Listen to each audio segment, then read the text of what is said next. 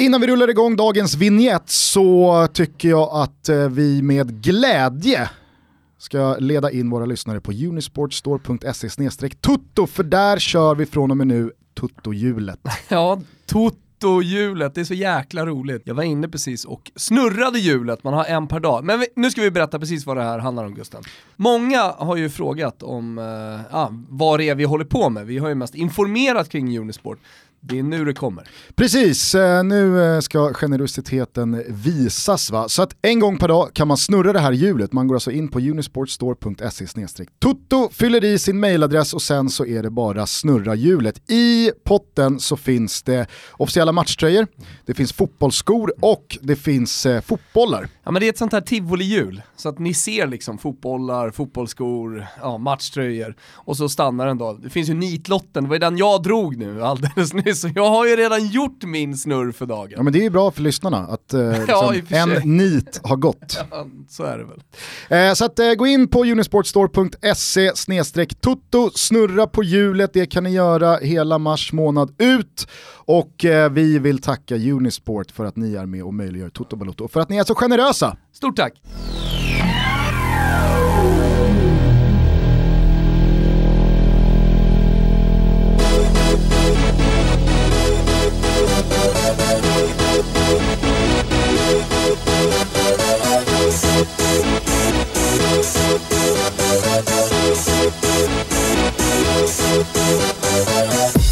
for this?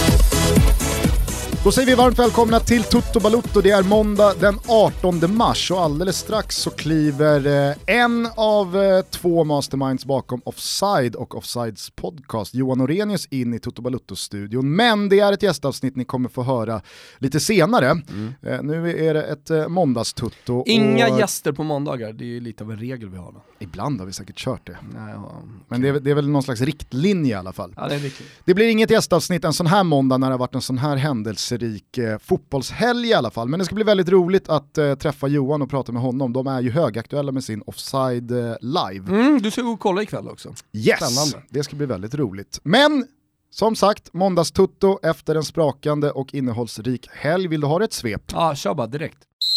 I slutet av maj kommer finalen av den svenska kuppen spelas mellan BK Häcken och AFC Eskilstuna. Detta efter att det gulsvarta laget från Hisingen brottat ner Djurgården i förlängningen av en mycket sevärd och underhållande batalj på Tele2. Och igår söndag stod svensk fotbolls fula ankunge AFC för en smått sensationell knall när man slog ut regerande svenska mästarna AIK. Detta trots underläge sent in i den andra halvleken.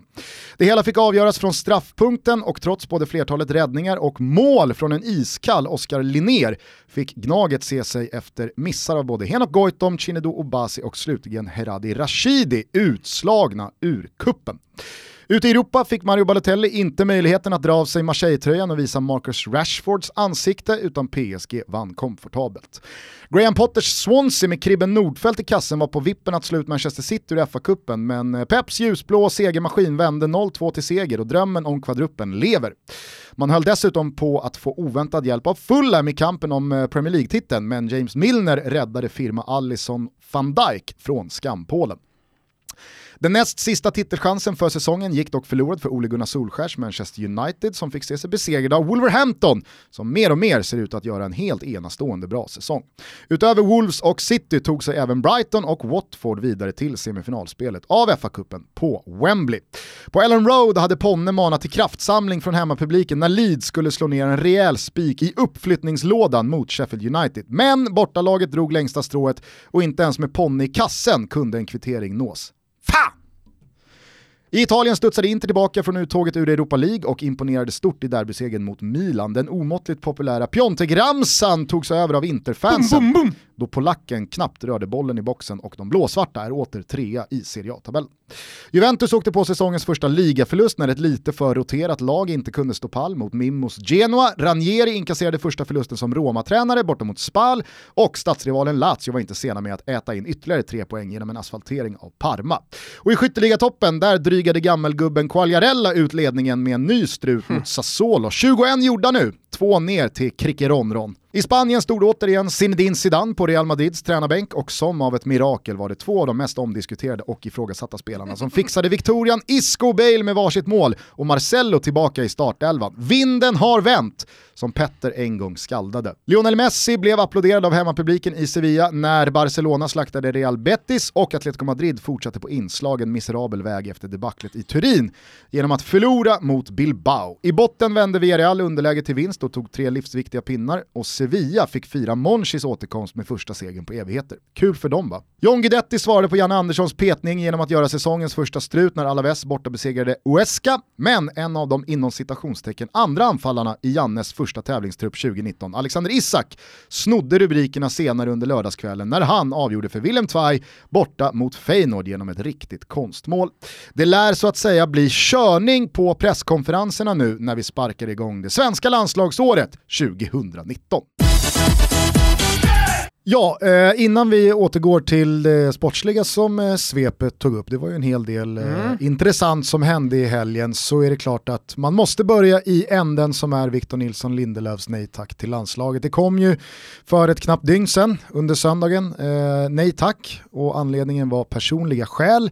Janne fanns citerad i pressmeddelandet som gick ut där att han har en största eh, förståelsen för Vigges nej tack. Men det blev ju givetvis då väldigt mycket spekulationer i och med att Fotbollskanalen samtidigt publicerade att det här eh, berodde till viss del på att John Guidetti inte togs ut i landslaget. Mm. Inte att det var 100% anledningen, men absolut inte heller att eh, det var 0%. Det, ble, det blev liksom mm. en ord mot ord diskussion ja, här. Framförallt så har det blivit väldigt, väldigt mycket diskussioner på sociala medier, alltså där folk har åsikter om eh, ja, ett och publiceringen.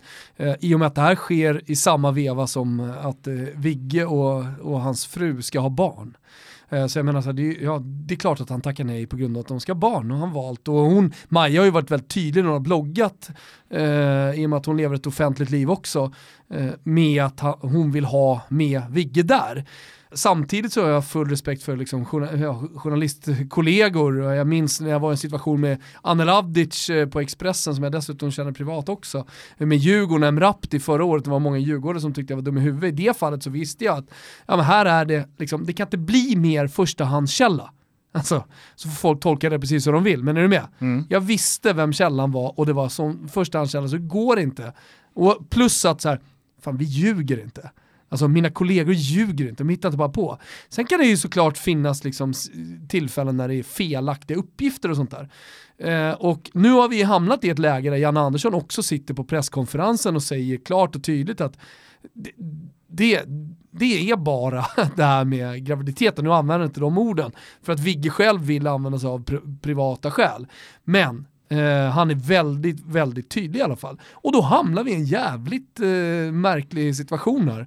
Där det är någon som ljuger. Antingen ljuger Janne, eller så ljuger ja, uppgiftslämnarna, liksom, ja, i, i Olof Lund Malmqvist här som har satt sina bylines på, på artikeln. Ja, men för jag har ju den, den, den största respekt och fullt förtroende för Olof Lund och Alexander Malmqvist när de via Fotbollskanalen skickar ut att de har initierade uppgifter på att eh, John Guidettis frånvaro i truppen är en eh, faktor som spelar in här i Vigges nej tack. Men det är ju då Janne väldigt tydlig med att dementera här nu på första presskonferensen mm. under samlingen.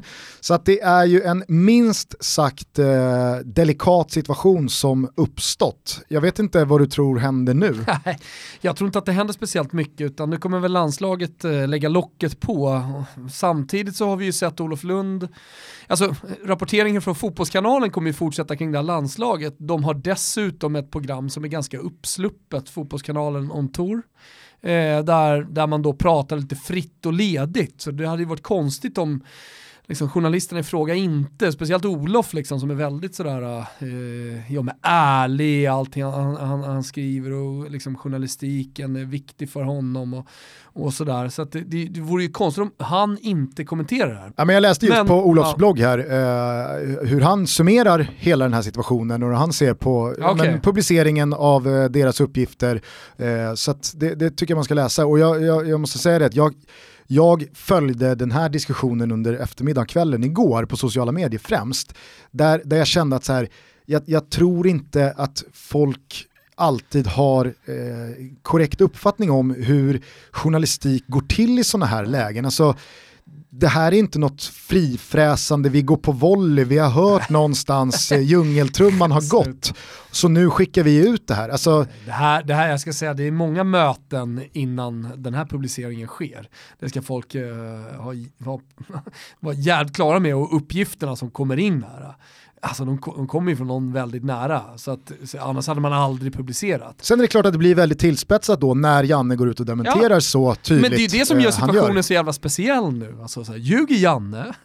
alltså, jag kan inte sitta här och säga att Janne ljuger, det tänker jag inte göra heller. Men alltså, det är, något det är ju knas, mm. eller hur? Ja, Någonstans så, så, så finns det någon som inte är helt ärlig. Va?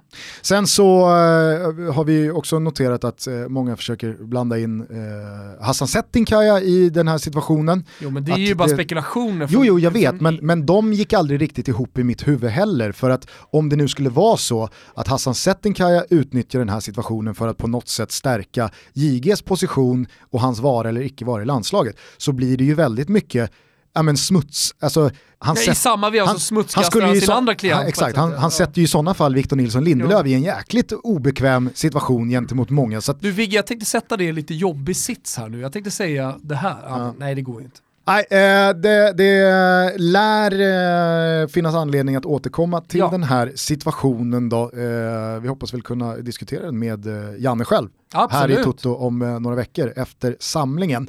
Det vi i alla fall kan konstatera är att Victor Nilsson Lindelöf inte finns med i truppen. Det gör heller inte Ponne för att eh, som ni inte hörde i svepet så innebar ju också den här tunga förlusten mot Sheffield United att Ponne skadade sig mot slutet av matchen. Eh, han haltade runt både på topp och sen i kassen och eh, tvingas nu tacka nej på grund av skada. Och det jag verkligen kan känna är eh, speciellt då med ersättarna är ju att Alexander Milosevic inte kallas in när då det inte är bara en lucka som ska fyllas utan två. Dessutom så eh, ljumskbesvär på granen. Mm. Och eh, Filip Helander har ju dragits med lite småskador här mot slutet också. Så att, eh... Nej, det, är, det är långt ifrån en optimal situation. Alltså man får ju tro att eh, Lustig eh, hoppar in centralt i och med att Tinnerholm kommer. Eh, och så blir det väl kraft till höger och så Lustig och ja, vad, vad det verkar Filip Helander. Sotte kallas ju in då ska vi säga. Exakt, eh, och jag menar så det förtjänar han med all rätt. Eh, och sen så förstår jag alla aik liksom att de vill ha in sin Alex Milosevic. Eh, och med tanke på lovorden som eh, han fick efter januariturnén, liksom från, direkt från Janne, hur bra han dessutom presterade.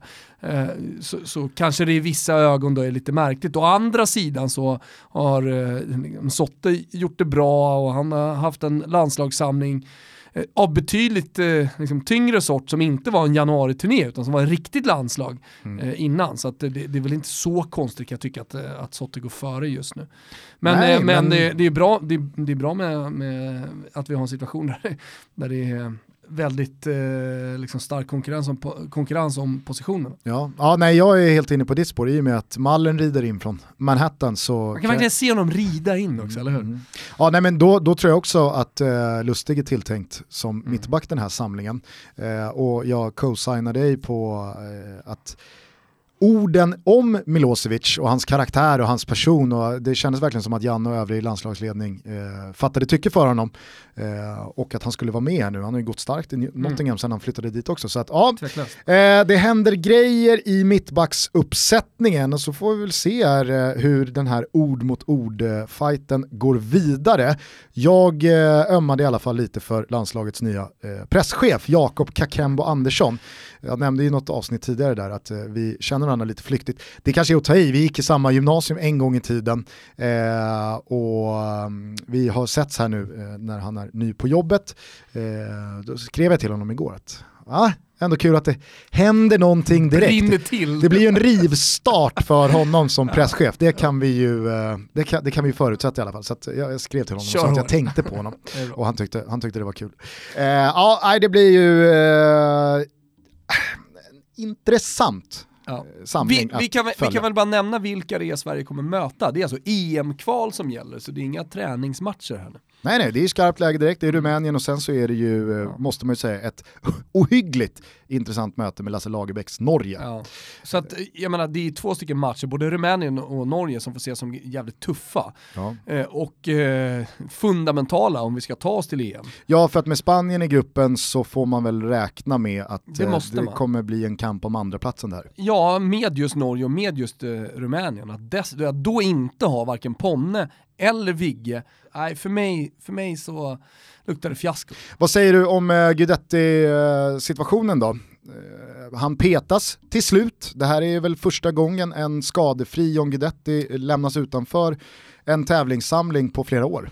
Ja, men då måste man ju komma ihåg att John Guidetti i landslaget, alltså när han väl har spelat, eh, inte har levererat. Han har inte gjort eh, speciellt många bra inhopp eh, och jag, förstår Janne att han vill testa någonting annat. Det är dessutom Dessutom en knepig situation i klubblaget, även om han eh, gjorde mål nu i helgen och sitt första på väldigt, väldigt länge. Eh, men, men, han spelar lite, han får ofta, ofta hoppa in. Så det, det, är självklart att man tittar på andra. Men land, svenska landslaget för mig ska vara det absolut bästa vi har. Vi, en, en förbundskapten ska ge oss de bästa förutsättningarna för att, för att ta oss till mästerskap och sen att göra så bra som möjligt.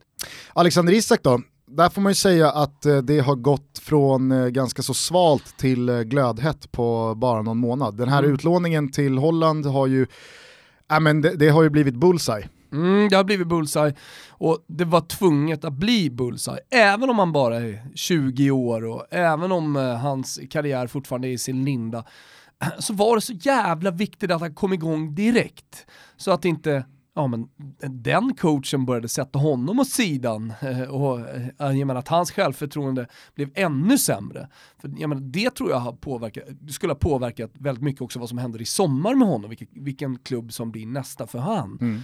Eh, så, och, och, hur Dortmund tänker. Så de här målen, de här tidiga målen som ger honom självförtroende, kommer med i landslagstruppen, den kommer påverka som sagt jättemycket i sommar, men också här och nu.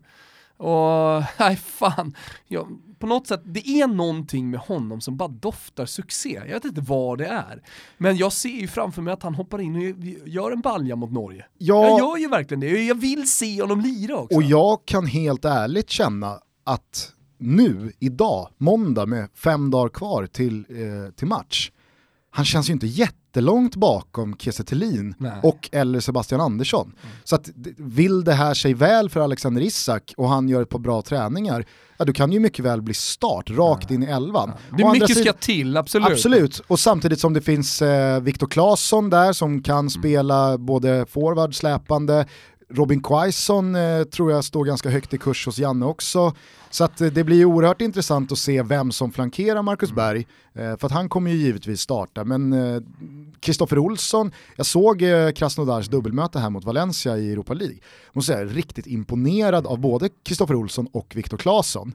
Emil Forsberg är tillbaka skadefri, mm. både Sam Larsson och Ken Sema är med. Albin är skadefri och gör en kanonsäsong i Sampdoria. Sebastian Larsson trummar ju på som den Duracell-kaninen är. Men det, det intressanta här tycker jag, det är ju att backa bandet till när Janne tog över det här landslaget. Zlatan skulle sluta. Var, var står svensk landslagsfotboll egentligen, ställer man sig frågan. Vi kollade på truppen, eh, jag tror att alla konstaterade ganska snabbt att eh, det här kommer bli ett par ganska tuffa år, men målsättningen måste vara EM 2020. Målsättningen måste vara att utveckla någonting inför framtiden snarare än att kortsiktigt vinna. Sen blev det, blev det ju som alla känner till en, en direkt succé och en kvartsfinal i VM och allt det där.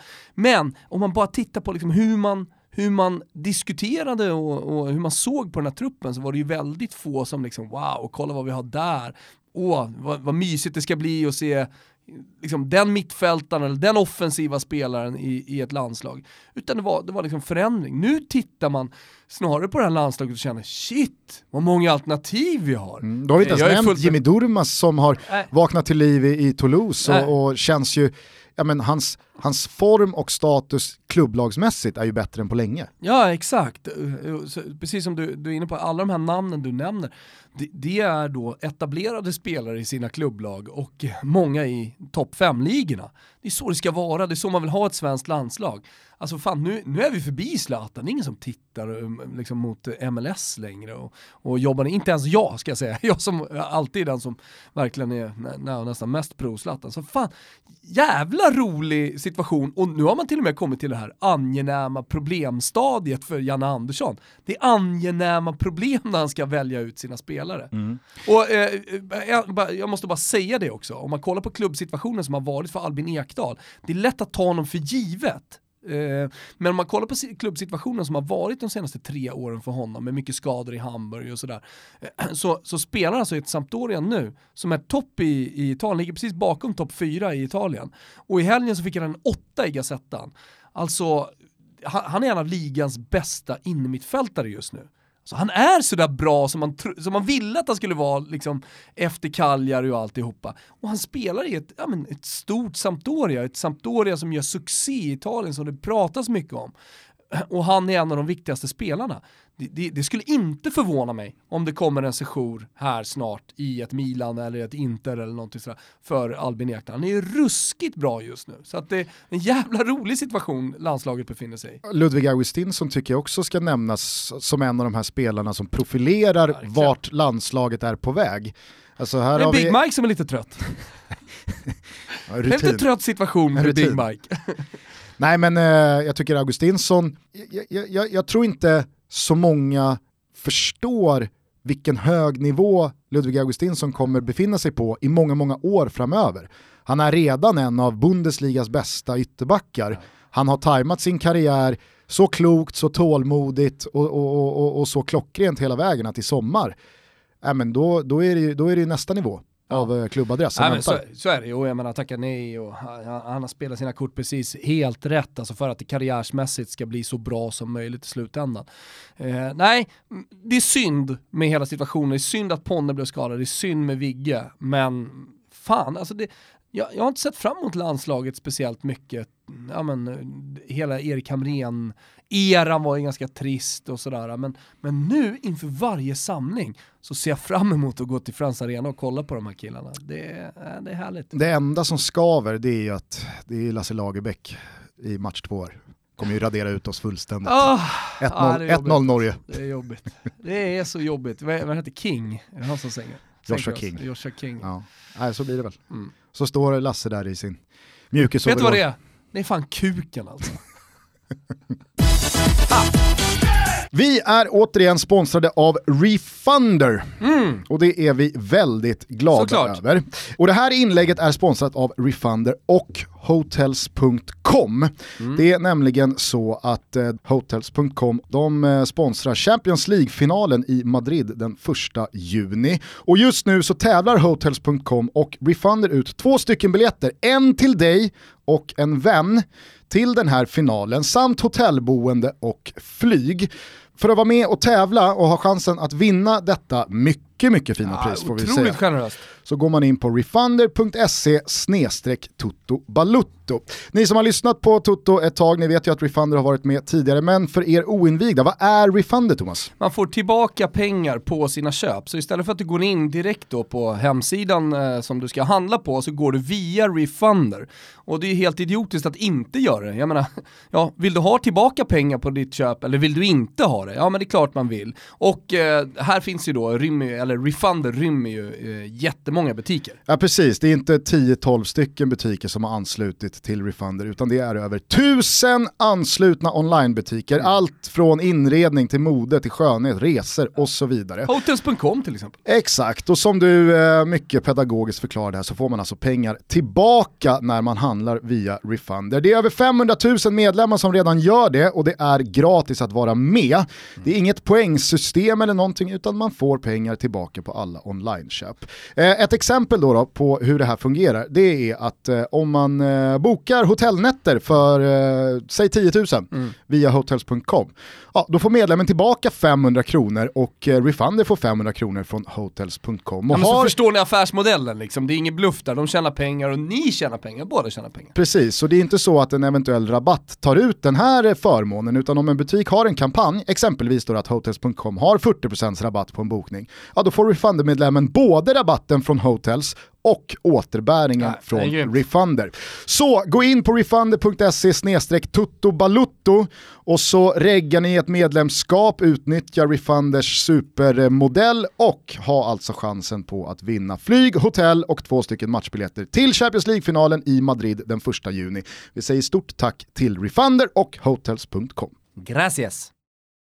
Ja, det gick ju inte vägen för det svenska skidskyttelandslaget, herrarna alltså. Damerna tog ju silver, men herrarna de sköt ju bort sig och, och sladdade runt i, i spåret. Och du förstår varför? Du förstår varför moralen var låg Gusten? Det var väl för lite Pepsi i venerna. det var för lite Pepsi i benen, ja det var det förmodligen, och för lite Pepsi i skallen. Men Pepsi Femling fick ju inte vara med i stafetten, han var ju petad.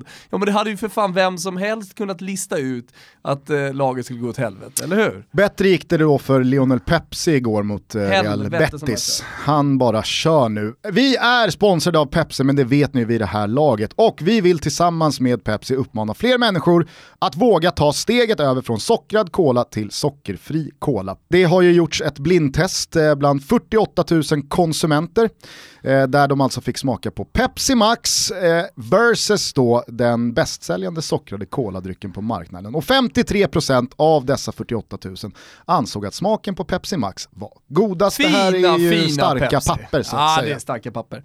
Ni vet ju att vi under hashtaggen TuttoPepsi tävlar ut boende och två matchbiljetter till Champions League-finalen i Madrid, men det finns ju dessutom signerade matchtröjor av Messi och en årsförbrukning av Pepsi Max i potten också. Så att ta nu en kreativ bild mm. på dig själv eller en kompis som förtär en Pepsi och så skickar ni in den här bilden under eh, hashtaggen TotoPepsi så är ni med och tävlar om de här jätte, jättefina priserna. Enkelt. Det var ju väldigt roligt i helgen då när en eh, tävlare tog en bild på sig själv när han drack en Pepsi på Tele2 mm. och i bakgrunden så florerar både du och jag, men kanske framförallt du som. Eh, fångas i ett riktigt märkligt ögonblick. Ja, det är många sådana märkliga ögonblick nu för tiden. Tack så mycket till Pepsi! Tack!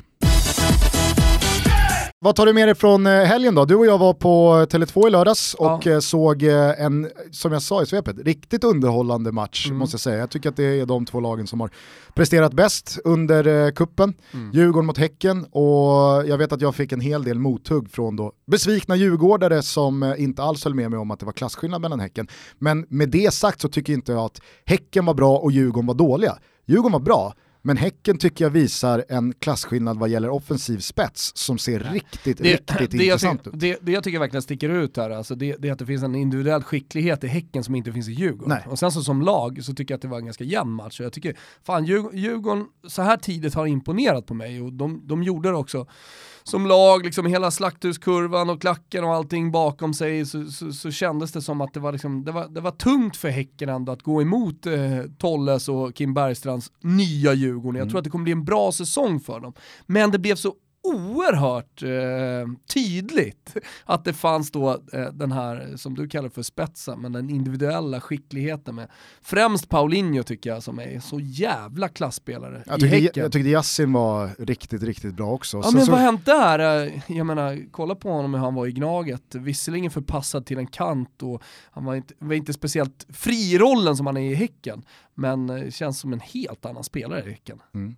Nej, jag håller med dig och jag tycker att eh, Djurgården, eh, det, det är ju bara att titta på vilka namn som saknas så förstår man ju också att Djurgården har både en och två växlar att lägga i. Erik Johansson, numera Berg, eh, har inte kommit igång än. Astrid har bara några inhopp, Buya Turay kommer givetvis också bli bättre. Men som du säger, alltså Kim och Tolle har ju verkligen, det har ju kostat ett par muskelskador här under, under försäsongen. Mm. Men deras fysiska fotboll syns ju direkt. Jag menar Jesper Karlström ser ju bättre ut än någonsin.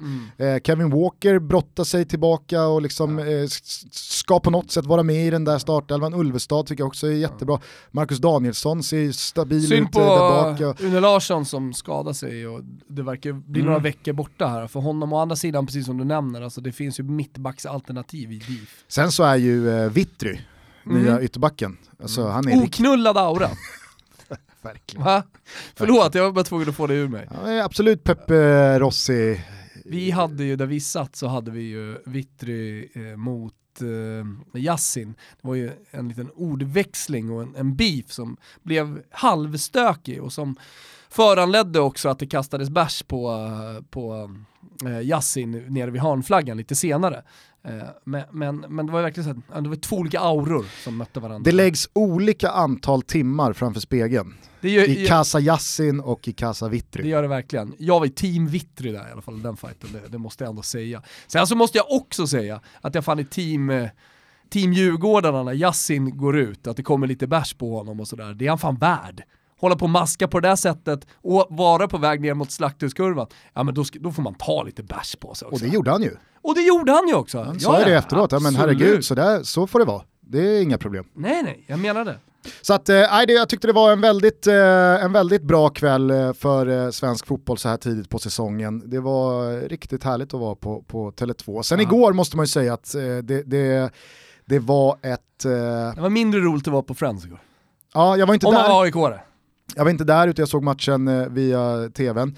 Och AFC måste jag säga imponerar ju inte så, att de är, inte så att de är mycket bättre än AIK, absolut inte. Jag tycker AIK är... är, är AIK ska vinna den där matchen. Självklart, men AFC står ju upp väldigt bra och är det någonting man har lärt sig, i synnerhet när det kommer till svensk fotboll, att där är, där är en uh, uddamålsledning oerhört bräcklig. AFC kan ju faktiskt uh, vända och vinna det där över ordinarie tid. Uh, Felix Michel tror jag mm. många med mig fick upp ögonen för ordentligt, uh, alltså lillebrodern till Alexander Michel. Vilket monster alltså. Ja. 1,95, tar bara bollen som Kaiser Frans och, och alltså satan vilken körning på ja. den spelaren. Ja. Eh, så att, jag, jag, tycker, eh, jag tycker faktiskt eh, att eh, AFC så de... Nej, men de, det är ett av de lagen som har imponerat, de kommer säkert inleda bra också, som många nykomlingar gör i allsvenskan. Sen får vi se hur det ser ut över en hel säsong. Jag tror fortfarande att det kommer bli lite bottenstrid för dem vad det lider, men, men eh, de har i alla fall förutsättningar för att starta bra. Sen det som kunde ha blivit en kuppfinal då mellan AIK och Djurgården eller AIK och Hammarby eller ja. eh, på fullsatt Friends eller Tele2 blir nu istället eh, Häcken mot AFC, två av de eh, minst publikföljda eh, lagen i, ja. i, i, Sverige på antingen då Tunavallen eller på ja, Det är väl de två som, som folk följer minst. Ja, jag vet inte. Har du något bud på någon som konkurrerar om topp två-platsen med, med minst publiksnitt? Jag tror inte det Gusten. Och... Nej, det kan ju bli, alltså så här inramningsmässigt mm. så kan det ju bli en, eh, vad säger man, regression mm. och det grövsta ja, för detta nya lyckade ja, cupformat. Men vem bryr sig? Alltså i slutändan, Ja, åh, gud vad kul med en publikfest i, i finalen. Ja, men då får man vinna sina jävla matcher då. Skiter väl jag i. Mm. Jag kan i alla fall tänka mig att eh, Häcken inte var alltför missnöjda då, när eh, Rashidi missade straffen och eh, AFC alltså tog avancemanget. Nu får man ju verkligen ge Häcken ett klart favoritskap till den här titeln. Ja, ganska klart. Annars då, utlandet. Var, utlandet det var ett otroligt derby på San Siro igår. Ja, det, så fint det var när Bakayoko smällde in reduceringen och Toto-trippen trillade in. Ja, alltså den, den, utpustningen fick ju nästan taket att lyfta i Casa Wilbacher, Gusten. Mm. Helvete, det var, det var otroligt skönt. Grattis till alla som har haft tålmod, tålamod och varit med oss i, i Toto-trippen. Nu kör vi! Visst är det lite så Gusten? Ja men det var ju back-to-back. Först ja. City mot Schalke mm. och sen så löser vi Toto-trippen då. Med underspelet ackompanjerat av Olen mm. som en tredjedel. Det var väldigt fint. Det är så att vi är sponsrade av Betsson och eh, via godbitar och boostade odds så hittar man eh, vår Toto-trippel. Eh, det kommer hända lite grejer här eh, vad det lider tider. Eh, vi håller på att skapa en rolig sak tillsammans med Betsson. Mm. Eh, men, mer om det nästa vecka. Ja, mer om det nästa vecka. Eh, så länge så hittar ni Toto-trippen, dels på våra sociala medier, men om man vill vara med och spela då så går man in på godbitar boostade odds och sen så lägger man en screenshot i hashtag Toto-trippen som man är med och tävlar. Och till helgen så kommer givetvis Gul och Gul att vara med på kupongen. Ja, så är det. Ja, tillbaka till derbyt eh, så eh, var ju Svanemar på plats också, eh, här i Destination Europa. Ska bli kul att se hans take på det här derbyt, vad det lider. Men han hade ju minus på Inters koreografi och det är ju väldigt sällan man rackar ner på eller man, man inte tycker att de italienska kurvorna levererar ordentliga koreografier. Och just Inter har ju varit otroligt bra. Kurva Nord som är skådespelsplats för, för de här korrarna. Men vad tyckte du? Nej, jag tyckte det var bra. Det, alltså, jag, jag, hade, jag hade då mer problem att eh, liksom, acceptera de här sponsrade klapporna. Ja, vad var det? Nej, jag, jag vet inte, jag, jag är inte insatt i, i, vad det var, men det är, det är, ett hårt slag för den annars så högaktade italienska supportkulturen. Mm, ja, det, det, är det väl. Eh, men, eh, nej, men att Inter tar det där alltså, som har varit så utskällda och varit problem med Mauricardi och vem ska ta över. Det, den som jag tycker sticker ut mest då i den här segern och ska hyllas, förutom att jag tycker att Spalletti rent eh, eh, taktiskt gör en bra match, det är Lautaro Martinez. Man visste ju inte vad man skulle få. Alltså det, det är en, eh, ytterligare en sydamerikansk gubbe som kommer till Europa ung och ska ta hela Europa med storm, jättegoda vitsord. Eh, och, men men det, jag tycker att det är mer ofta som de misslyckas, de här killarna som kommer och som har jättegoda vitsord. Alltså det, det, det, det är fler Gabigol än vad det är Gabriel Jesus. Eh, men eh, att, eh, att Lautaro Martinez är den här spelartypen, är du med? Han är, inte, han är liksom inte den här fintgubben och han är inte riktigt heller bomben, men han är en smart lirare. Mm. Eller hur? Ja, verkligen. Bra löpningar och han är han, han, han, gör få misstag på en match. Jag, jag, gillar honom. Jag eh, hittar mitt utropstecken i andra änden av planen för jag tycker att under en internationell säsong där det har pratats väldigt mycket om Virgil van Dijk som kanske är världens bästa mittback numera, Sergio Ramos är alltid med i diskussionen, Godin fick en eh, revival igen då efter första matchen mot Juventus och sen så när Chiellini och Bonucci var tillbaka men då, då var det väldigt mycket snack om de två igen. Det vart prat om Hummels och Boateng nu när Jogi Löw valde att klippa dem från från det tyska landslaget, ja, men de håller fortfarande. Jag måste säga att alltså Skriniar har nu över en tvåårsperiod levererat på en nivå som förtjänar mer positiva mm. omnämnanden än vad han kanske har fått. Från Serie A-håll så pratas det väldigt mycket om Koulibaly också i Napoli som ja, men, den spelaren som United borde spränga banken för att eh, ta till Old Trafford. Men eh, mittbacksparet Skriniar de Frey, men framförallt Skriniar, mm. Alltså vilken mittback det är. Ja, det är otroligt. Alltså, han, han stoppade monster. Piontek i fickan igår ja. och alltså, han, är, han, är, han har ju allt. Ja. Han har sizen, han har blicken, han har eh, fysiken, han har fötter. Speluppfattning, alltihopa. Nej, men han, han, kan, han kan verkligen bli en av de bästa. Uh, men sen så De Frey som kommer tillbaka då till, till Holland, och ska spela landslagsfotboll, bildar mittbackslåt med De Ligt. Där har du också ett, ett, ett jävla landslagspar. Vart ska du peta in van Dijk då? Hade du tänkt?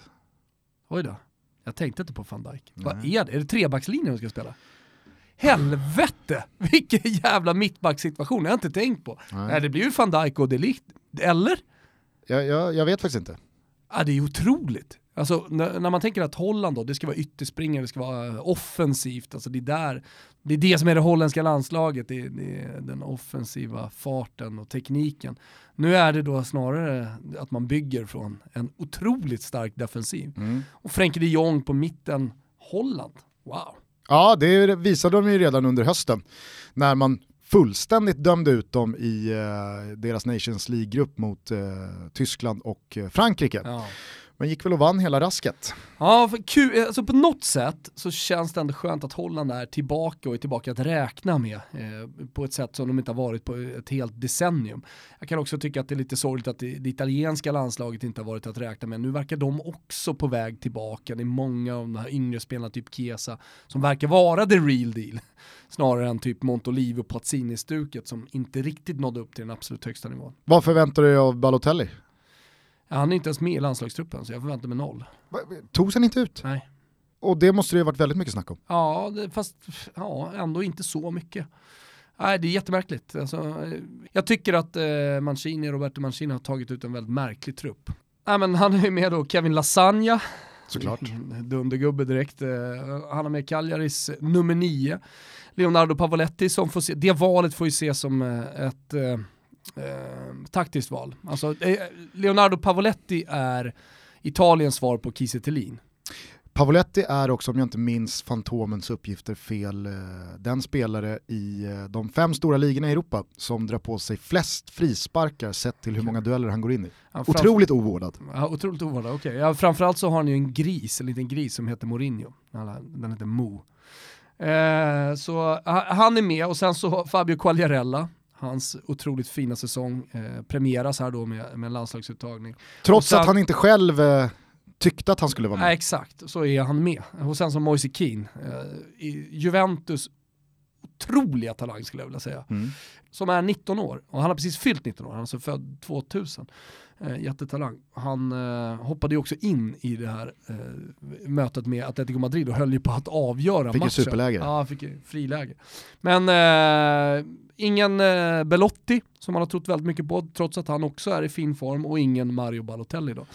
Men eh, Mancini har varit... Immobile? Immobile, eh, Immobile är med. Eh, så han har... Tänkte väl? Ja, det hade varit konstigt annars. Vincenzo Grifo, har du koll på honom?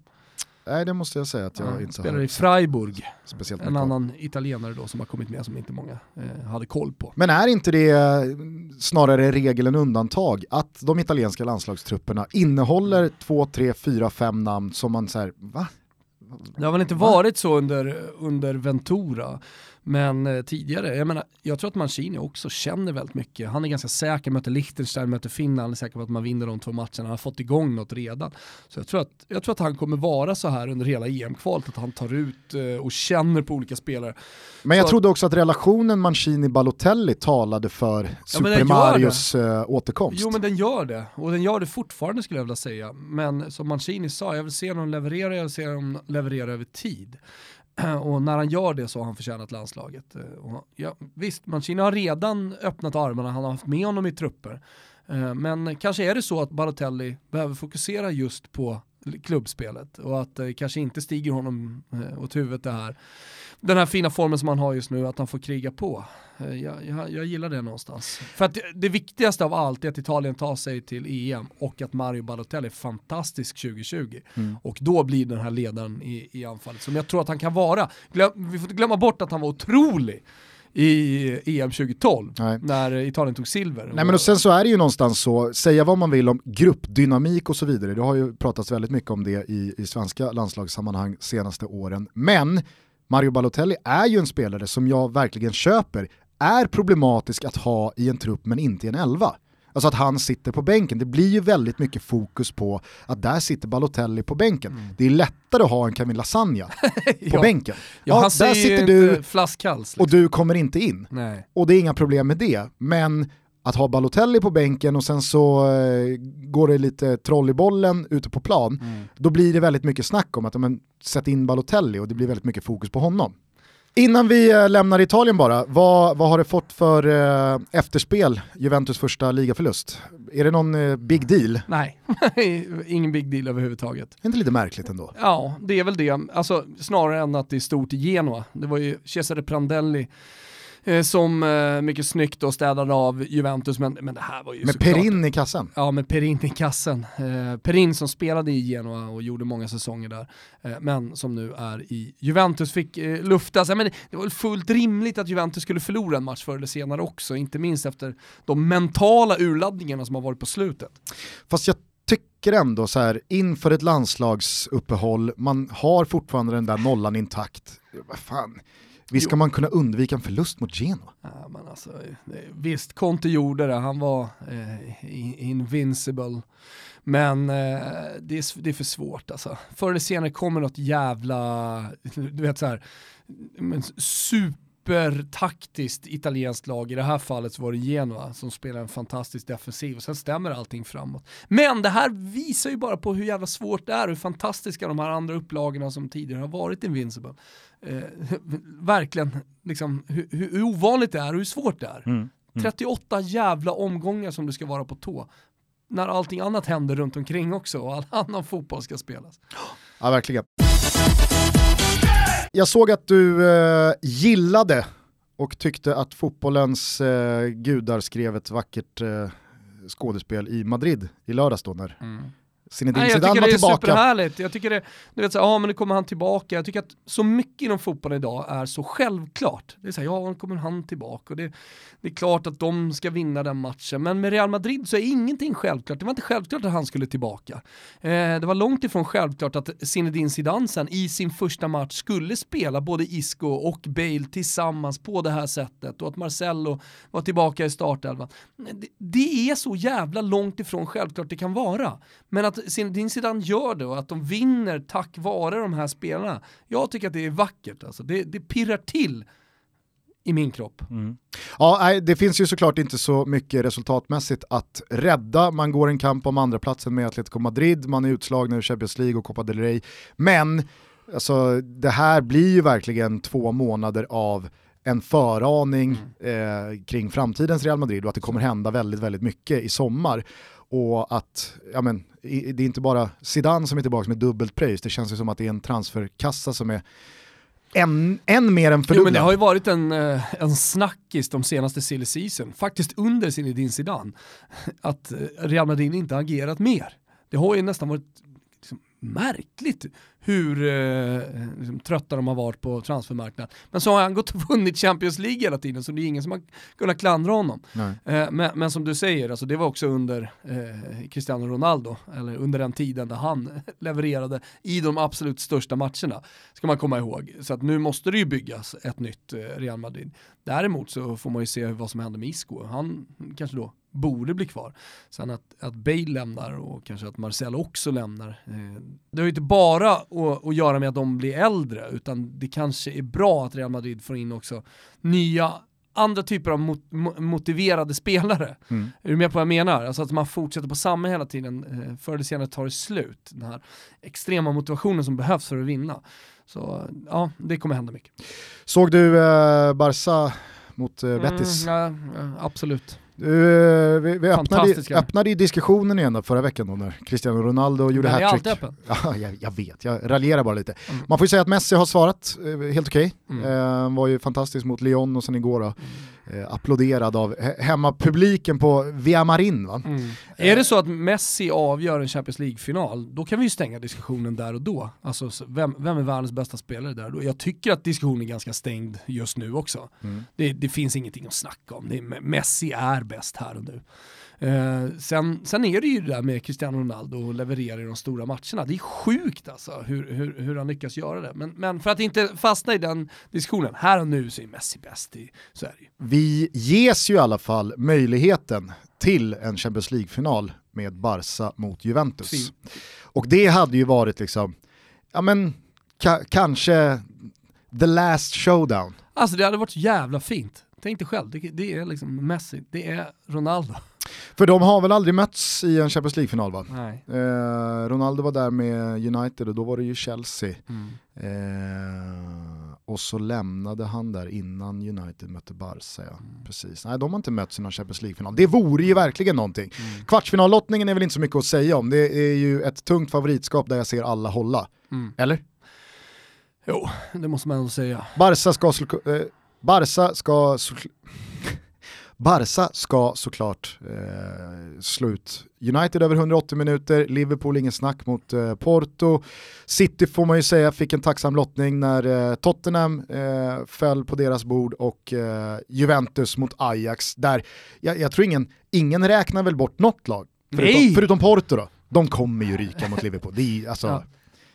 Nej, det, det, och du ska inte räkna bort något, Ajax. Det, det, har de redan visat. De har slagit ut visserligen ett eh, Real Madrid i dålig form, men, men fortfarande så är det Real Madrid och de gjorde den matchen på Santiago Bernabéu. Det, det, är liksom, det är ingenting man bara viftar bort. De kommer göra två stycken jävligt bra matcher mot Juventus, det är jag helt övertygad om. Mm. Men, men, håller men... alla favoriter i kvartarna så får vi alltså ett semifinalspel med Juventus mot Manchester City och Liverpool mot Barcelona. Mm. Och där tycker jag ändå att det blir, det, det är ju väldigt sällan de fyra semifinallagen i Champions League någonstans reflekterar mm. de fyra bästa lagen under den internationella säsongen. Mm. Men det tycker jag verkligen att Barcelona, Juventus och Firma City, Liverpool Håller har med. varit. Håller med. PSG inte har, har inte varit där, Bayern München har inte varit där, Real Madrid har absolut inte varit där och så vidare och så vidare. Nej, så. Så att det blir ju verkligen en, eh, en eh, hög Men de ska hålla först till två dubbelmöten År. det skulle inte förvåna mig om det blev någon skräll i slutändan.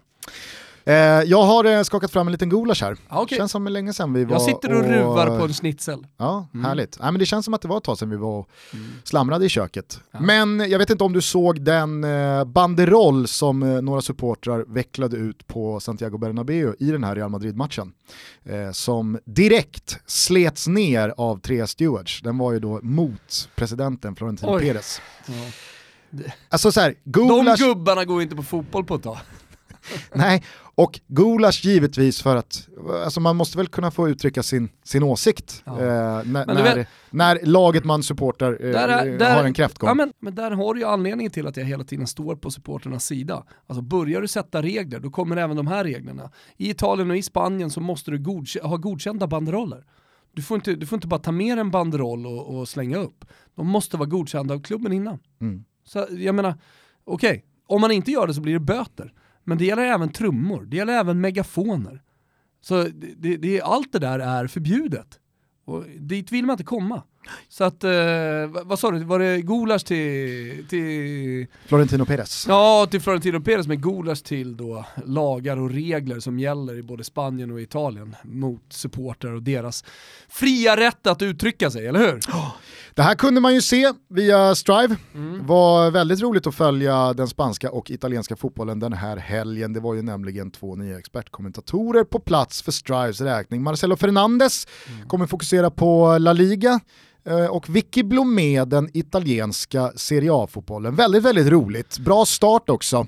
Eh, många verkar vara väldigt imponerade och nöjda. Ja, ja nej, men stort grattis till båda, stort grattis då till Strive som eh, verkligen fiskar fram två stycken fina, fina talanger.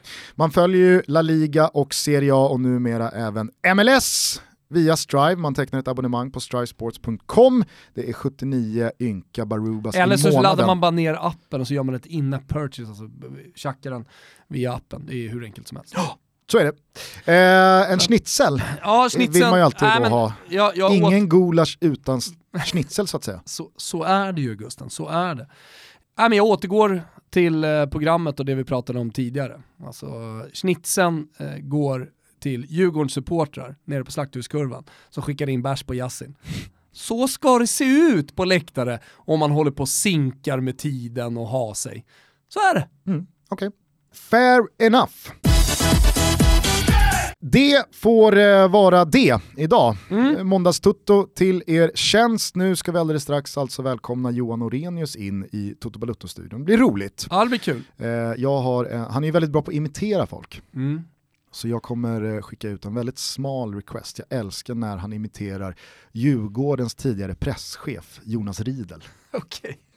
Det är inte, det är inte många som liksom så kan få ut glädje av det i och med att inte så många kanske vet då hur Jonas Riedel för sig, rör sig och låter. Men eh, det kommer jag göra för min skull. Ja, okej. Eh, så det ska bli väldigt roligt.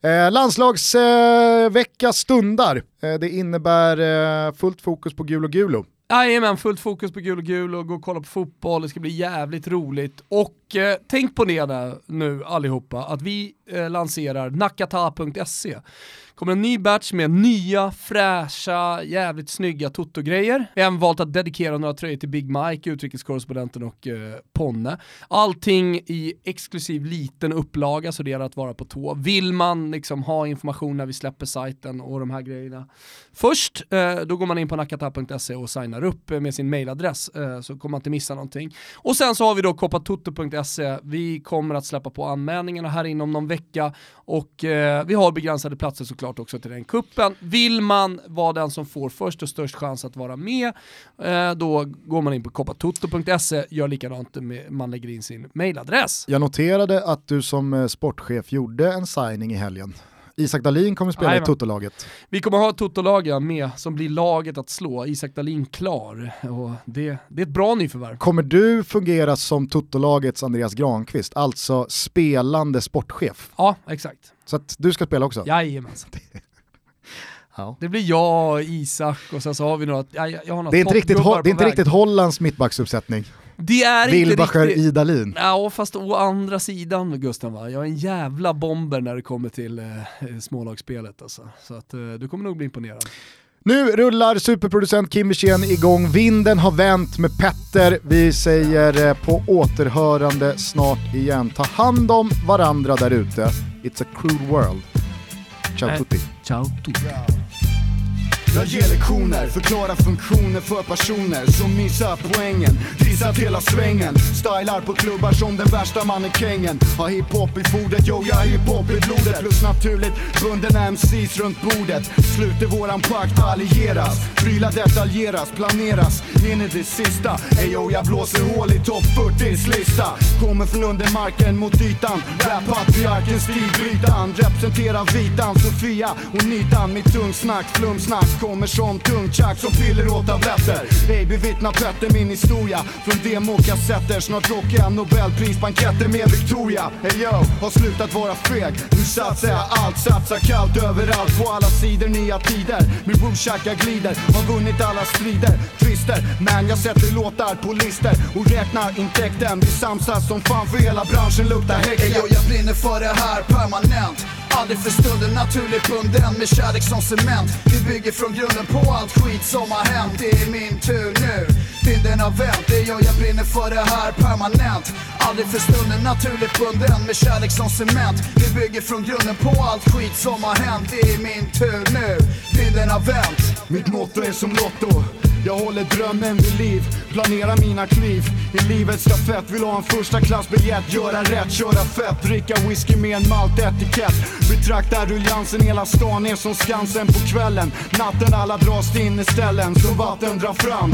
Alla jagar glam, rampljus och blickar. Eyo, jag jagar nickar, hiphop-skallar som nickar när jag kickar Demolerar, mastermindet producerar. Ett gäng som levererar äkta musik för en äkta publik. Går upp på scen, rippar skit på en stenhård beat. Och Petter är sig lik, hör till Stockholms elit.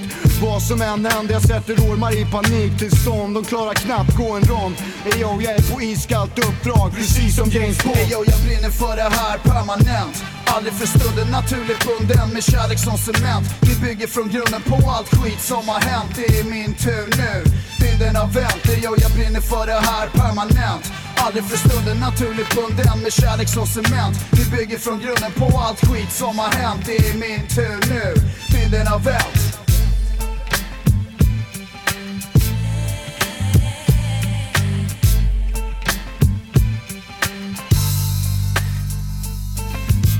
Äkta som tar och gasslar kös och flas. Samlar skivor som Lars, jag baxar micken och ditt gage. Du svimmar när jag trimmar